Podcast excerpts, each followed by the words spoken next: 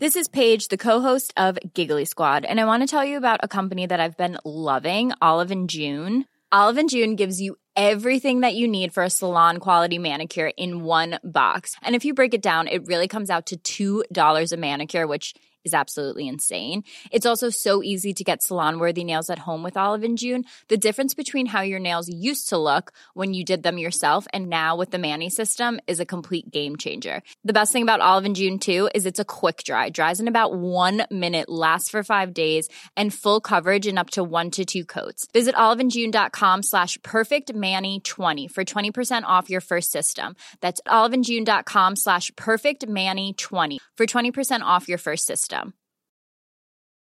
Hey, I'm Ryan Reynolds. Recently, I asked Mint Mobile's legal team if big wireless companies are allowed to raise prices due to inflation. They said yes. And then when I asked if raising prices technically violates those onerous two year contracts, they said, What the f are you talking about, you insane Hollywood ass? F- So to recap, we're cutting the price of Mint Unlimited from $30 a month to just $15 a month. Give it a try at mintmobile.com slash switch. $45 upfront for three months plus taxes and fees. Promo rate for new customers for limited time. Unlimited more than 40 gigabytes per month. Slows. Full terms at mintmobile.com. Burrow's furniture is built for the way you live. From ensuring easy assembly and disassembly to honoring highly requested new colors for their award-winning seating, they always have their customers in mind. Their modular seating is made out of durable materials to last and grow with you. And with Burrow, you always get fast, free shipping. Get up to 60% off during Burrow's Memorial Day sale at burrow.com slash ACAST. That's burrow.com slash ACAST. burrow.com slash ACAST.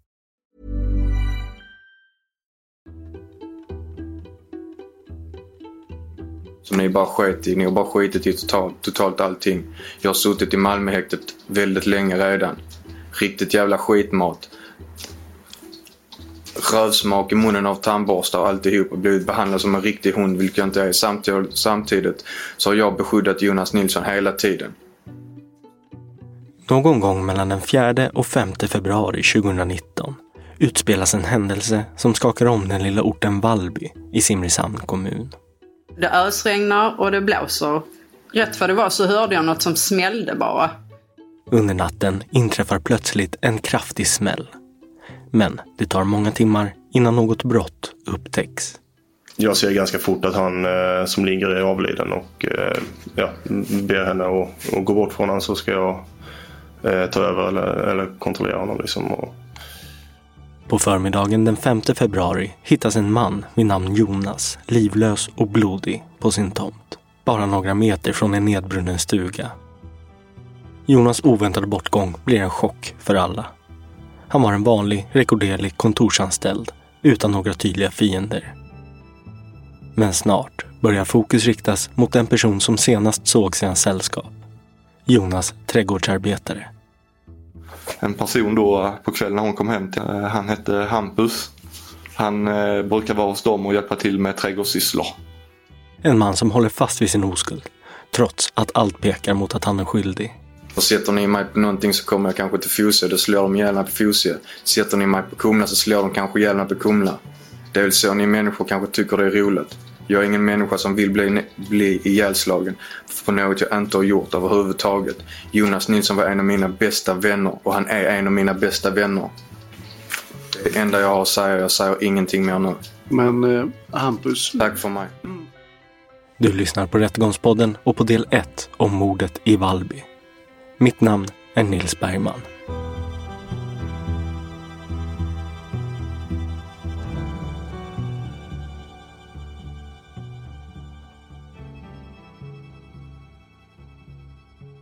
eh, vad gjorde Jonas? Vad jobbade han med? Han var marknadsföringsansvarig. Så han var, ja, ja, ansvarig för våra kontakter med media och även ja, marknadsföring. Okej. Vi hör Björn, platschef på företaget Avimex i Simrishamn och chef över den 54-åriga Jonas Nilsson, som arbetat inom marknadsföring på företaget i många år. Jonas är omtyckt på företaget och beskrivs som en glad, pålitlig och punktlig person. Arbetade han regelbundna tider eller hur såg det ut? Ja, det skulle jag säga att han gjorde. Eh, sen vissa resor förekom väl i hans tjänst men det var, det var sällan.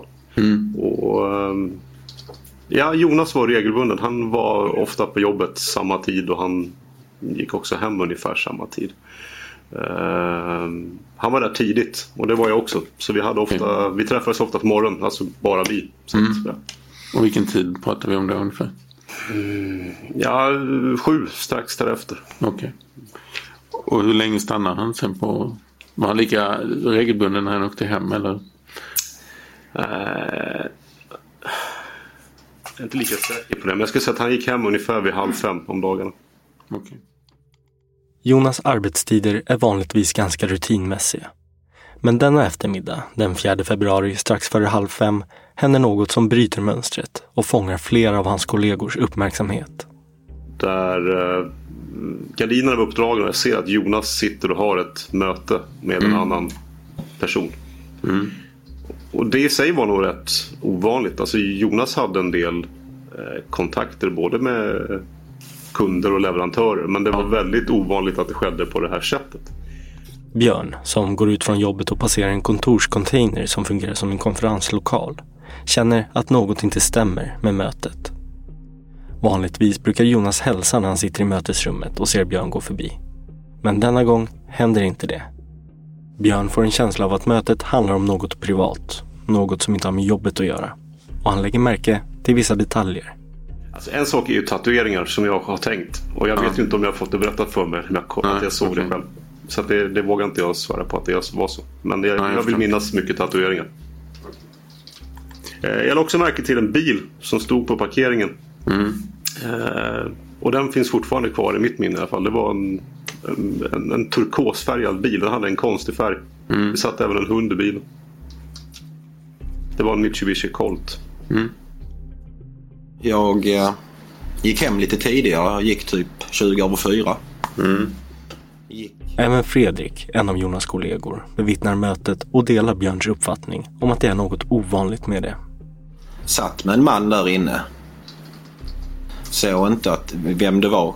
Men såg att det var tatueringar och sånt på mannen. Och, och jag såg en bil som hade väldigt udda färg. Turkos eh, grön. Mm. Vad jag la märke till då. Var det vanligt att Jonas hade möten i konferenslokalen? Nej. Kollegan Elin ser senare hur Jonas och den okända mannen står utanför och röker. Men de verkar inte prata mycket med varandra. Det kändes udda för att det var Jonas, de som han brukar ha möte med brukade vara liksom ehm, lite välklädda eller vad man ska säga. Ehm, och den här mannen kändes mer liksom lite så luva, mörkklädd sådär. Mm. Ehm, inte typisk person som brukar vara och ha möte. Man reagerar lite också på att, att eh, om man har ett möte med någon så kanske för det första att och röka med en kund känns lite, ja men det brukar man kanske inte göra och om man gör det så har man kanske, pratar man med varandra under tiden. Ehm, Såg du någonting mer sen eller? vad? nej. Nej. Eh, Jonas håller på att stänga, låsa dörren eller någonting där. Och den andra personen står ja, snett mot Jonas. När mötet mellan Jonas och den okända mannen verkar närma sig sitt slut går kollegan Andreas förbi dem på avstånd. Och jag säger hej hej. Men eh, ja, Jonas han noterar mig men jag får liksom inget svar. Och sen fortsätter jag mot min bil. Och precis innan jag hoppar in i bilen så sneglar jag mot ja, Jonas och personen. Och då noterar jag tatuerade underarmar. Kollegorna noterar att den okända mannen har tatuerade underarmar och att han kör en uppseendeväckande bil och har en hund med sig. En turkosbil. Alltså den var ganska iögonfallande. Och då är den här mannen på väg in. Han står med ryggen emot och ska väl in i hunden. Så inte hunden smiter ut. Ja, och sen kör jag iväg. Hur fick du en uppfattning om sinnesstämningen mellan Jonas och den här personen? Alltså om det var... Det var lugnt? Ja. ja. Arbetsdagen slutar och kollegorna lämnas med en underlig känsla. Men de reflekterar inte mycket mer över det. De förväntar sig att Jonas kommer dyka upp nästa dag och förklara vem han träffade. Men det händer aldrig. Jonas dyker inte upp på jobbet dagen efter och det här blir den sista dagen kollegorna ser honom i livet. Jonas tar sig efter mötet hem till sin villa i Vallby, Hammenhög. På grund av en tidigare lunginflammation lider han av kraftig hosta under natten och av hänsyn till den kvinna han bor tillsammans med väljer han att sova i en liten stuga på tomten. Och denna natt blåser det upp till en kraftig storm.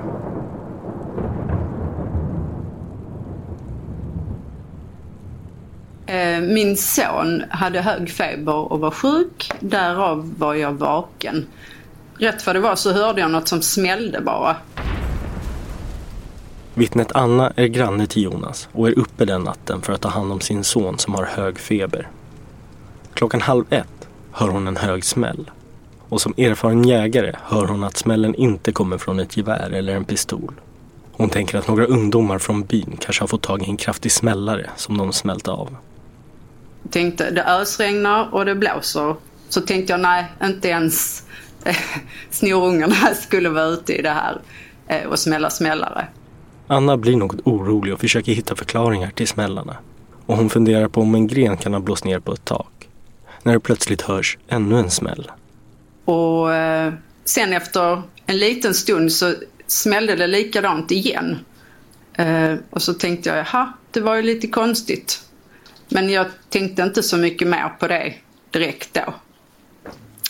Eh, och eh, jag vet inte om det kan ha gått kanske. Det är jättesvårt att komma ihåg. För jag låg ju och försökte somna. Eh, så om det hade gick tio minuter emellan eller. Det är jättesvårt. Ehm, En halvtimme senare är Anna fortfarande vaken när hon hör en bil närma sig ned mot hennes och grannens område. Hundarna reagerar och uppmärksammar bilens närvaro. Ehm, och jag har jakthundar. Och de brukar normalt sett inte skälla på bilar som kommer på vägen. Men då på natten så skällde de på den här bilen. Eh, men jag tänkte inte så mycket mer på det utan de skällde en stund. Och det lät som att bilen stod där och så tänkte jag ja men det är väl kanske tidningsbäraren och sen så, så tänkte jag inte mer på det. Det är inte tidningsbudet. Mannen i bilen kommer senare visa sig vara samma person som Jonas hade ett möte med tidigare under dagen.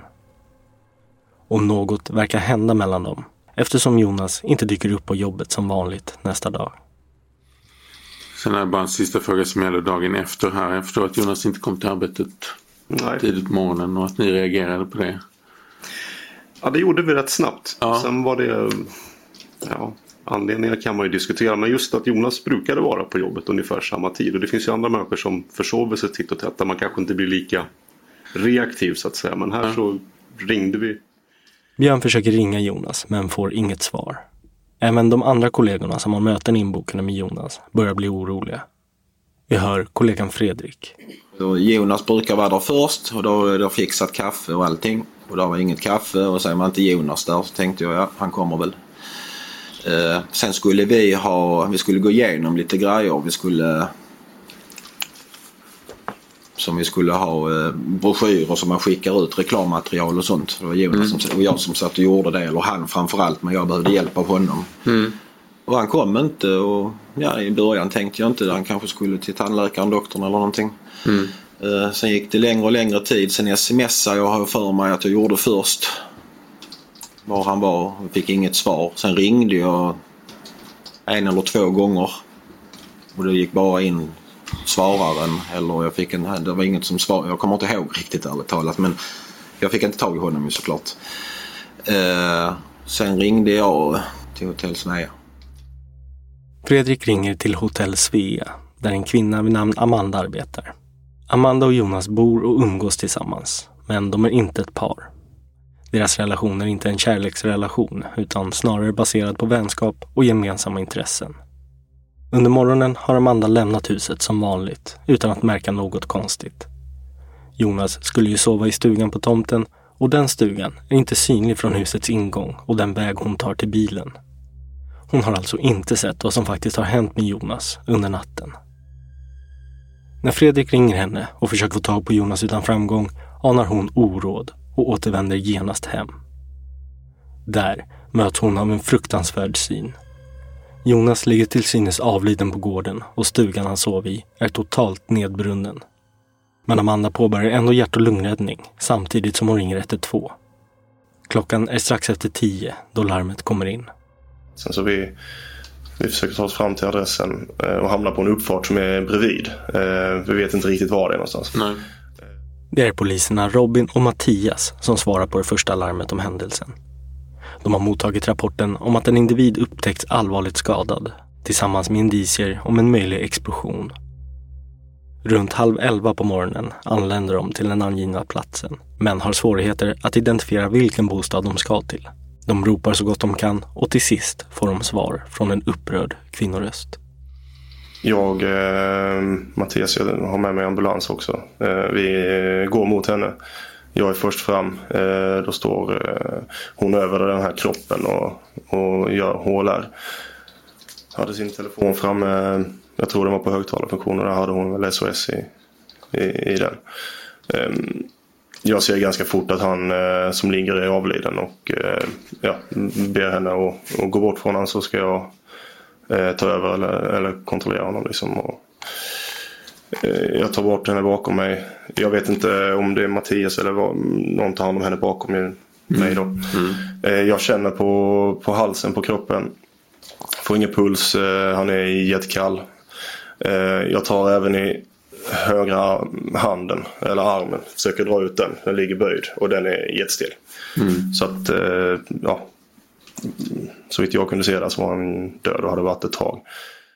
Robin och hans kollegor navigerar sig försiktigt tillbaka genom området, samma väg som de kom.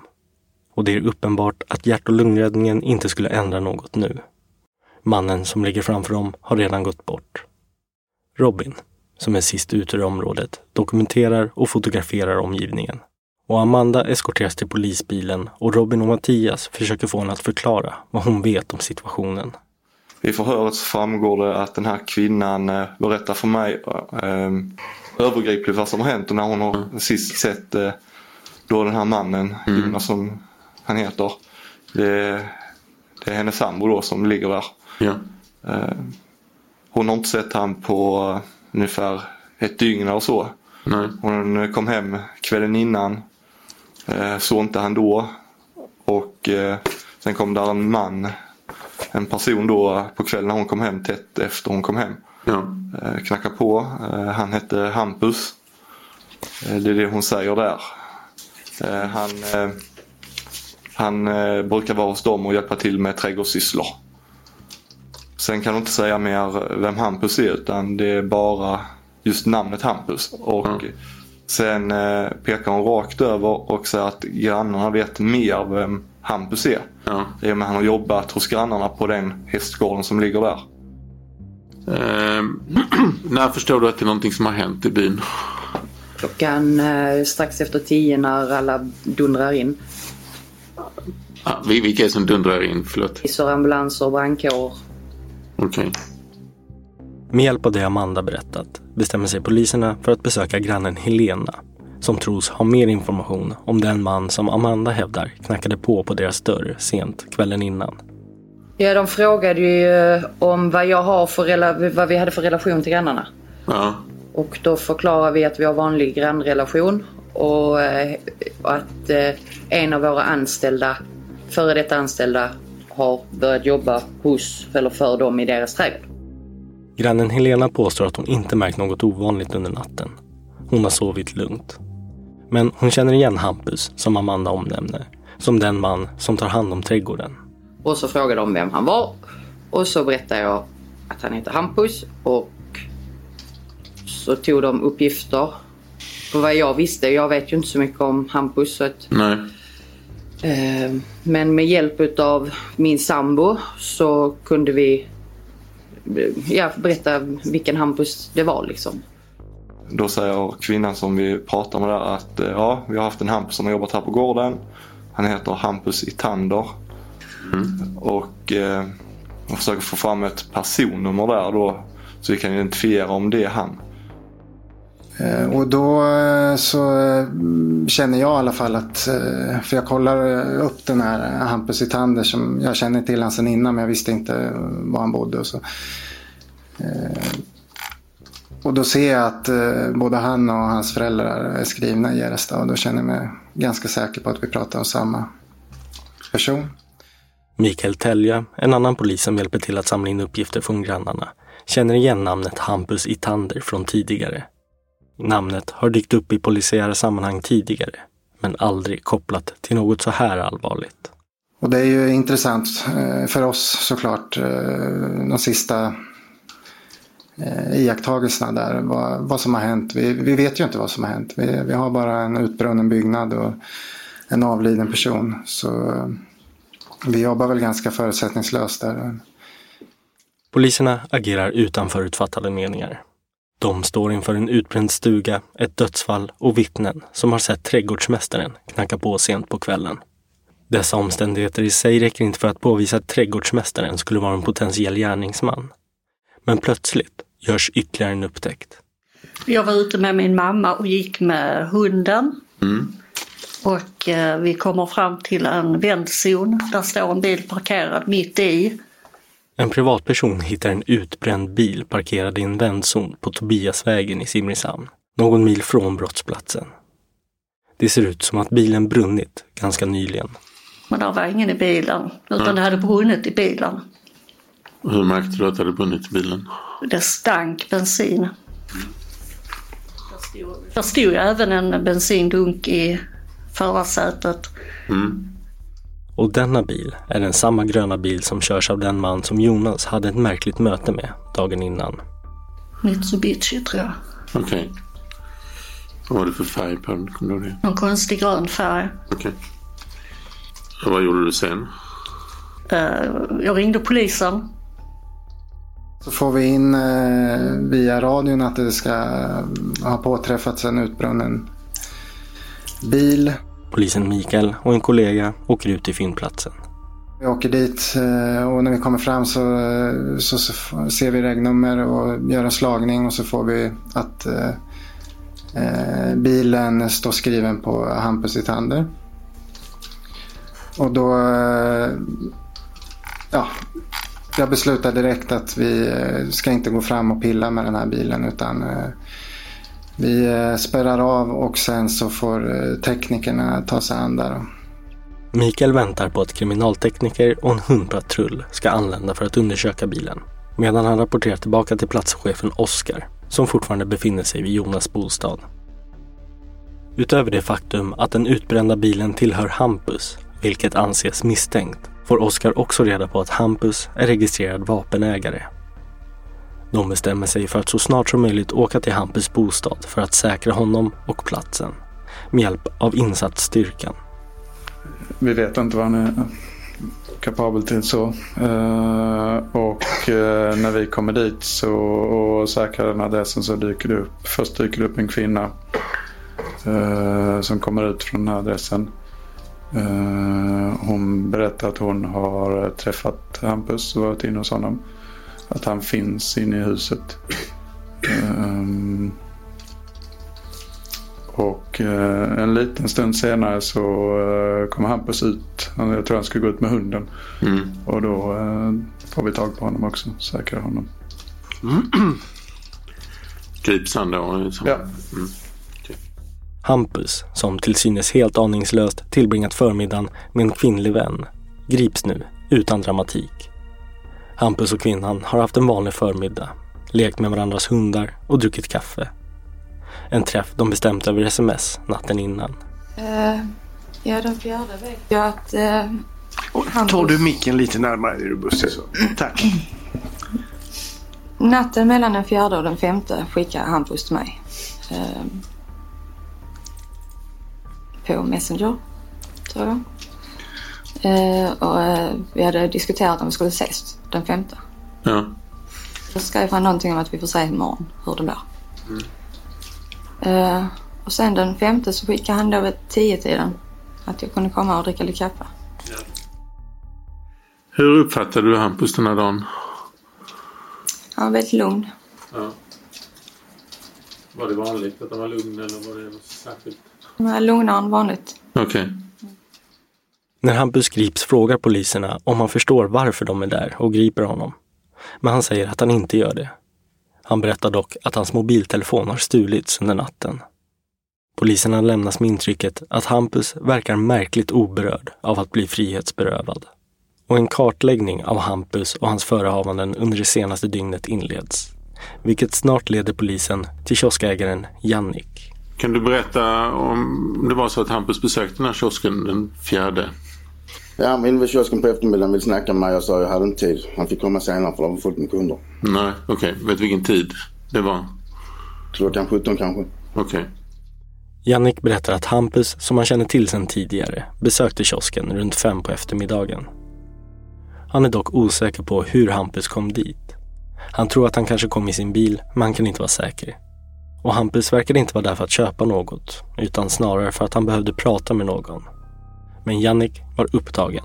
Ja, jag pratade med honom men jag sa bara det. Jag har inte tid att snacka med dig. Du får komma igen senare när det är mindre folk. Okej.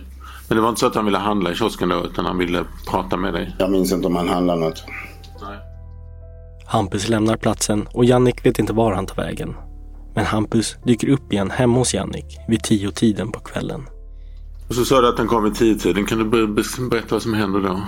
Ja, jag sa att eh, jag hade gått och lagt mig och att han fick komma igen imorgon. Ja. Vet du vad han ville? Nej. Sa han någonting om han ville?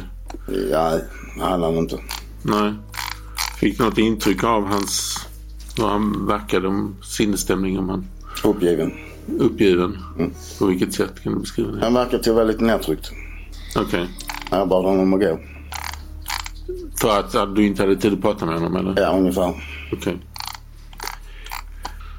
Eh, Vet du vad han hade för problem som han ville prata om? Alltså vad det gällde för någonting rent Ingen generellt? aning. Ingen aning. Ingen aning? I förhör uppger Jannik att Hampus inte verkade vara citat helt frisk i huvudet och att han pratade om änglar. En svart ängel och en vit ängel. Och i den kriminaltekniska undersökningen av den utbrända bilen som ägs av Hampus hittas märkliga lappar som Hampus tycks ha skrivit. Lapparna är fyllda med text och teckningar som innehåller fraser som vit djävul, vit ängel och inbördeskrig samt alla fyra huvud är världen tillsammans. Och jag måste ta vita ängeln först innan jag kan ta djävulen. Och mannen med två hundar våldtar oss grovt. Jag är en osynlig kung. När dessa lappar skrevs är det okänt.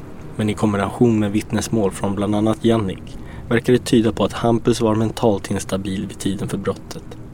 Denna misstanke stärks när man förhör fler personer som träffade Hampus senare den aktuella natten. När stormen brutit ut och grannen hört kraftiga smällar från Jonas tomt. Ja, jag låg och såg på TV. Det var rätt så sent på kvällskvisten.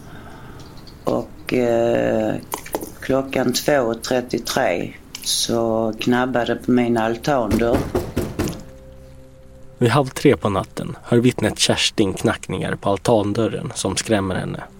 Kerstin är Hampus mormor, men hon vet inte om att det är Hampus hon knackar på, utan söker upp sin son Anton. Anton och hans tvillingbror Emil, som alltså är Hampus morbröder, sitter uppe och gamear när Kerstin väcker Antons uppmärksamhet. Så hon, hon kallade på mig på rummet så jag gick ut där. Så sa jag till mamma, öppna, öppna dörren. Så är jag beredd. För att vi visste ju inte vem det var för det slog banka som fan på rutan ju. Så när hon, när hon öppnar dörren så är det Hampus som kommer in där. Och Då såg man inte direkt för han hade typ en huvud eller en mössa eller ja, någonting för så man ser inte att det var han direkt. Så jag frågade vem fan det var. Då sa han att det är jag Hampus. Och han frågade om han fick låna toaletten och det var väl helt okej så han gick in. Och sen gick han in till eh, badrummet tror jag. Eh, För att jag gick in till rummet sen och fortsatte spela. Så att jag var inte där ute sen. Anton återgår till sitt spel men hör hur det spolas i toaletten och hur badkarskranen är på. Han antar att Hampus vill tvätta av sig och tänker inte mer på det. Men Hampus stannar i badrummet en längre stund och till slut går Kerstin in för att kolla till honom. Efter en stund så gick jag ju in där. Och eh, så frågade Hampus om han fick sova över. Mm. Ja, klart du får, sa jag. Och sen var det, var det dåligt väder den natten när han kom. Så hans kläder var fuktiga så jag sa att du kan få låna ett par joggingbyxor att sova i. Så kan de andra hänga på tork så kan du ju hämta dem imorgon. Hampus byter om och det är då Kerstin märker att han lämnat en kniv i badrummet. Kerstin blir uppenbart oroad av detta. Ja, han hade en kniv också. Den låg på vasken i eh, badrummet. Så jag misstänker han har haft den i byxorna. Okej. Vad hände sen efter det? Att han hade bytt om? Nej, det där hände inget speciellt. Men han var väldigt orolig. Så som jag upplevde Hampe i alla fall när han kom. Tyckte jag att han verkar vara väldigt psykotisk, eh, psykotisk just då. Under vistelsen hemma hos sin mormor verkar Hampus förvirrad och potentiellt psykotisk. Anton, Hampus morbror, har sett Hampus i liknande tillstånd tidigare, några månader före den här händelsen. Jag reflekterar inte över det utan bara eh, för att eh, bara låta han vara. Liksom, för att inte göra saker och ting värre. Så jag gick in i mitt rum. Sen, eh, jag, alltså jag minns inte jättemycket. Sen såg jag uh, han, Hampus stod i tröja och typ kallingar. Okej. Emil, Antons tvillingbror, beslutar sig för att gå ut och undersöka situationen. Eftersom Hampus plötsliga uppenbarelse mitt i natten har väckt frågor. Fick du något intryck av hur han var då? Vilken sinnesstämningen han hade? Eller så? Ja, lite uh, psykosartade beteende, beteendet. Um, Okej. eh, vad jag vill kunde komma fram till var kanske det var någon form av drog, droglöst. Det kan ge specifika symptom. Okej. På vilket sätt yttrade det sig att han var psykotisk? Paranoid, förföljelsemani, eh, tror sig vara avlyssnad och alltså typiskt eh, paranoid schizofrena symptom. Ja. Det är oftast droglöst när det är så. Det är Okej. mer akut. Vet du vad som hände sen? Ehm, Hur länge han stannade? Och så... Mm, jag kan inte helt uppriktigt säga för jag vet inte hur länge han stannar för jag gick in på mitt rum sen igen. Okej. Snackas i osammanhängande den eh, natten. Han var inte sig själv. Nej, okej. Hur, hur var hans sinnesstämning när han kom? Eh, väldigt eh, förvirrad. Eh, eh, fick för sig att folk jagade han och han var avlyssnad. Och han mådde väldigt dåligt. Hur, eh, hur visade det sig? Eh, irre, irrelevant, ja vad ska jag säga. Det var svårt att hänga med han. Han pratade i, hur ska jag förklara det? Irrationellt på något konstigt vis. Förlåt. Det var precis som han satt i en bubbla. Okej. Kan, man, kan man säga att Hampus verkade psykotisk när han hem kom eller är det för starkt? Nej, det är det inte. Han var väldigt labil i sättet. Okej. Har du sett honom eh, så innan eller? Ja, det har jag. Ehm, vet du när det här var för den här händelsen? Var det Han- länge sedan eller var det liksom? Det han har nog varit så ett bra tag. Okej. Kerstin har tidigare under polisförhör nämnt att Hampus pratade om en brinnande bil under sin vistelse hos henne. Men hon är idag inte helt säker på detta minne. Jaha, nu är jag med dig. Vänta nu lite grann här. Det måste, ha, det måste vara det i hallen. Kan det ha varit i hallen som man säger att bilen brinner? Bilen brinner. Det låter jag vara osagt. Mm. Är det någonting som du känner igen att han skulle ha sagt någonting sånt? Ja, men jag sa även att jag låter det vara osagt. Och åklagaren frågar Kerstin om Hampus hade en mobiltelefon med sig under natten. Pratas det om att han kunde låna din telefon? Är det någonting du kommer ihåg? Om man... Ja, han ville ringa hem till sin mamma att hon skulle köra och hämta han. Mm. Men det sa jag, det behöver du inte göra för mamma ska upp och jobba tidigt imorgon bitti så jag kan köra för dig hem. Okej. Mm.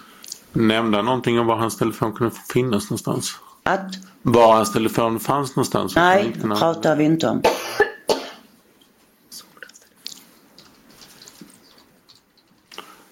Vet du om han hade sin telefon med sig? Nej, han hade ingen telefon. Han hade ingen telefon? Nej. Eh, Sa han att han inte hade någon telefon eller var det att du inte Han såg? hade ingen eh, mobil. Nej, okej. Kommer du ihåg någonting av det han sa? Nej. Han, han, eh, alltså det var jättesvårt att tyda han. Okej. Ehm. Var han så hela tiden medan han var hemma hos dig? Ja, det var han. Ehm, och när du körde hem honom, var, det, var han fortfarande... Eh, ja, jag satte till radion och det fick jag inte lov att göra för vi kunde vara avlyssnade, sa han. Okej. Runt klockan 03 på natten bestämmer sig Kerstin för att köra hem Hampus. Och hon har noterat att Hampus skor var ovanligt rena. Särskilt med tanke på det dåliga vädret. Ja, där var absolut, där var ingen lera. Där var ingenting under hans skor. För eftersom han satte dem innanför min dörr och jag satte ut skorna i hallen så tittade jag under dem. Jag tänkte jag, de är inte skitiga så de kan stå här. Ryan Reynolds här från Mint Mobile. With the price of just about everything going up during inflation, we thought we'd bring our prices down. So to help us, we brought in a reverse auctioneer, which is apparently a thing. Mint Mobile unlimited premium wireless. Ready to get 30, 30, bit to get 30, bit to get 20, 20, 20, bit to get 20, 20, bit to get 15, 15, 15, 15 just 15 bucks a month. So, Give it a try at mintmobile.com slash switch. $45 upfront for three months plus taxes and fees. Promo rate for new customers for limited time. Unlimited more than 40 gigabytes per month. Slows. Full terms at mintmobile.com. Burrow's furniture is built for the way you live. From ensuring easy assembly and disassembly to honoring highly requested new colors for their award-winning seating, they always have their customers in mind. Their modular seating is made out of durable materials to last and grow with you. And with Burrow, you always get fast, free shipping. Get up to 60% off during Burrow's Memorial Day sale at burrow.com slash ACAST. That's burrow.com slash ACAST. burrow.com slash ACAST. Hey, it's Ryan Reynolds, and I'm here with Keith, co star of my upcoming film, If, only in theaters, May 17th. Do you want to tell people the big news? All right, I'll do it. Sign up now and you'll get unlimited for $15 a month in six months of Paramount Plus Essential Plan on us. Mintmobile.com slash switch. Upfront payment of $45 equivalent to $15 per month. Unlimited over 40 gigabytes per month. Face lower speeds. Videos at 480p. Active Mint customers by 531.24 get six months of Paramount Plus Essential Plan. Auto renews after six months. Offer ends May 31st, 2024. Separate Paramount Plus registration required. Terms and conditions apply if rated PG. Kerstin är också helt säker på att skorna inte följde med in i badrummet, vilket innebar att de inte kan ha tvättats av där. Och polisen börjar nu känna att misstankarna stärks mot denna Hampus, som kände Jonas väl och hade ett mystiskt möte med honom samma kväll som brottet inträffade. Hans psykiska tillstånd verkar också ha varit instabilt och han verkar ha lämnat kvar en kniv hos sin mormor. 12, 15 och 4. Och skadan 11 är belägen på ryggsidan åt vänster. Eh, Vi se om jag kan hitta den här. Är det den skadan? Är precis ja. Rättsläkaren Daniel Krona kan fastställa att Jonas inte dog till följd av brännskador, utan av omfattande knivskador. Skadorna finns på Jonas bröst, skuldror och rygg och är av sådan mängd att de endast kan beskrivas som ett resultat av extremt övervåld. Eh, och har gått igenom muskulatur, det vänstra skulderbladet, genom det vänstra sjätte revbenet och genom den vänstra lungans ovanlob. Och skada nummer 12 som ligger strax till höger om den här skadan. Fortfarande på ryggens vänstra den sida. Där då? Stämmer bra det. Har en sårkanal snett nedåt höger som har gått eh, alltså har skadat ett revben men inte helt delat det. Och sedan träffat den vänstra lungans underlob. Eh, med påföljande blödning. Sen rör vi oss till framsidan för där har vi då skadan eh, romersk 15 som är den tredje uppifrån på bröstets vänstra sida. Där ja, precis. Som har haft en sårkanal något snett nedåt bakåt och något åt höger. Som har delvis gått igenom det fjärde revbenet. Den vänstra lungan, sedan vidare in i hjärtsäcken och in i hjärtats eh, högerkammare. Så att det har förelegat eh, en blödning direkt ifrån hjärtat, då både till hjärtsäcken och till den vänstra lungsäcken.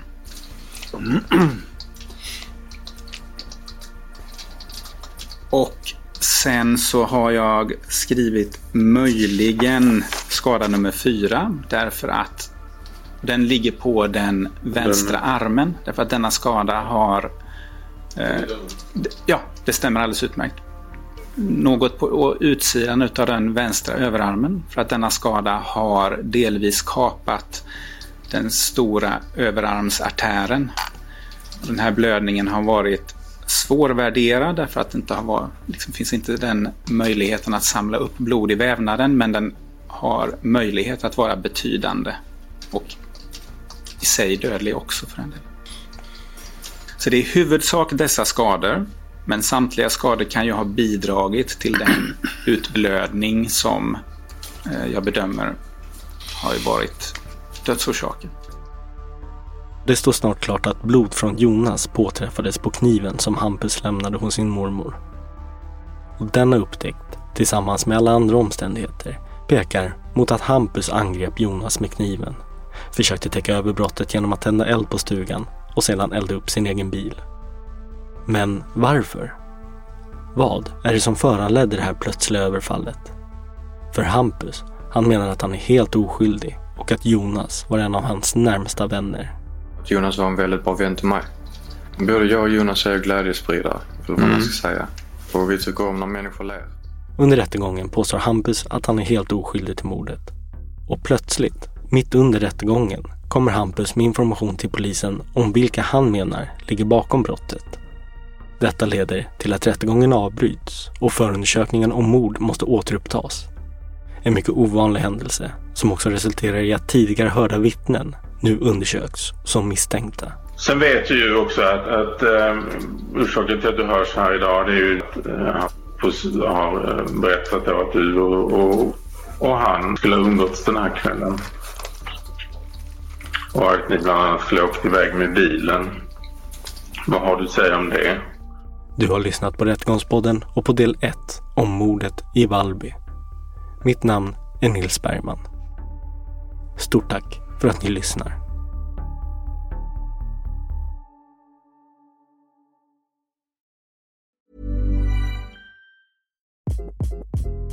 Hi, this is Craig Robinson from Ways to Win, and support for this podcast comes from Invesco QQQ, the official ETF of the NCAA. The future isn't scary. Not realizing its potential, however, could be. Just like on the recruiting trail, I've seen potential come in many forms as a coach. Learn more at Invesco.com slash QQQ. Let's rethink possibility. Invesco Distributors, Inc. Planning for your next trip? Elevate your travel style with Quince. Quince has all the jet setting essentials you'll want for your next getaway, like European linen, premium luggage options, buttery soft Italian leather bags, and so much more. And is all priced at 50 to 80% less than similar brands. Plus, Quince only works with factories that use safe and ethical manufacturing practices. Pack your bags with high-quality essentials you'll be wearing for vacations to come with Quince. Go to quince.com slash pack for free shipping and 365-day returns. When you need mealtime inspiration, it's worth shopping Kroger, where you'll find over 30,000 mouthwatering choices that excite your inner foodie. And no matter what tasty choice you make, you'll enjoy our everyday low prices, plus extra ways to save, like digital coupons worth over $600 each week. You can also save up to $1 off per gallon at the pump with fuel points. More savings and more inspiring flavors make shopping Kroger worth it every time. Kroger, fresh for everyone. Fuel restrictions apply. Rättegångspodden är en Tall Tale produktion. Ansvarig utgivare är Jonas Häger. Och Rättegångspodden görs i samarbete med Lexbase. Ange rabattkoden Rättegångspodden när du blir ny betalande medlem på lexbase.se och få tre kostnadsfria domar.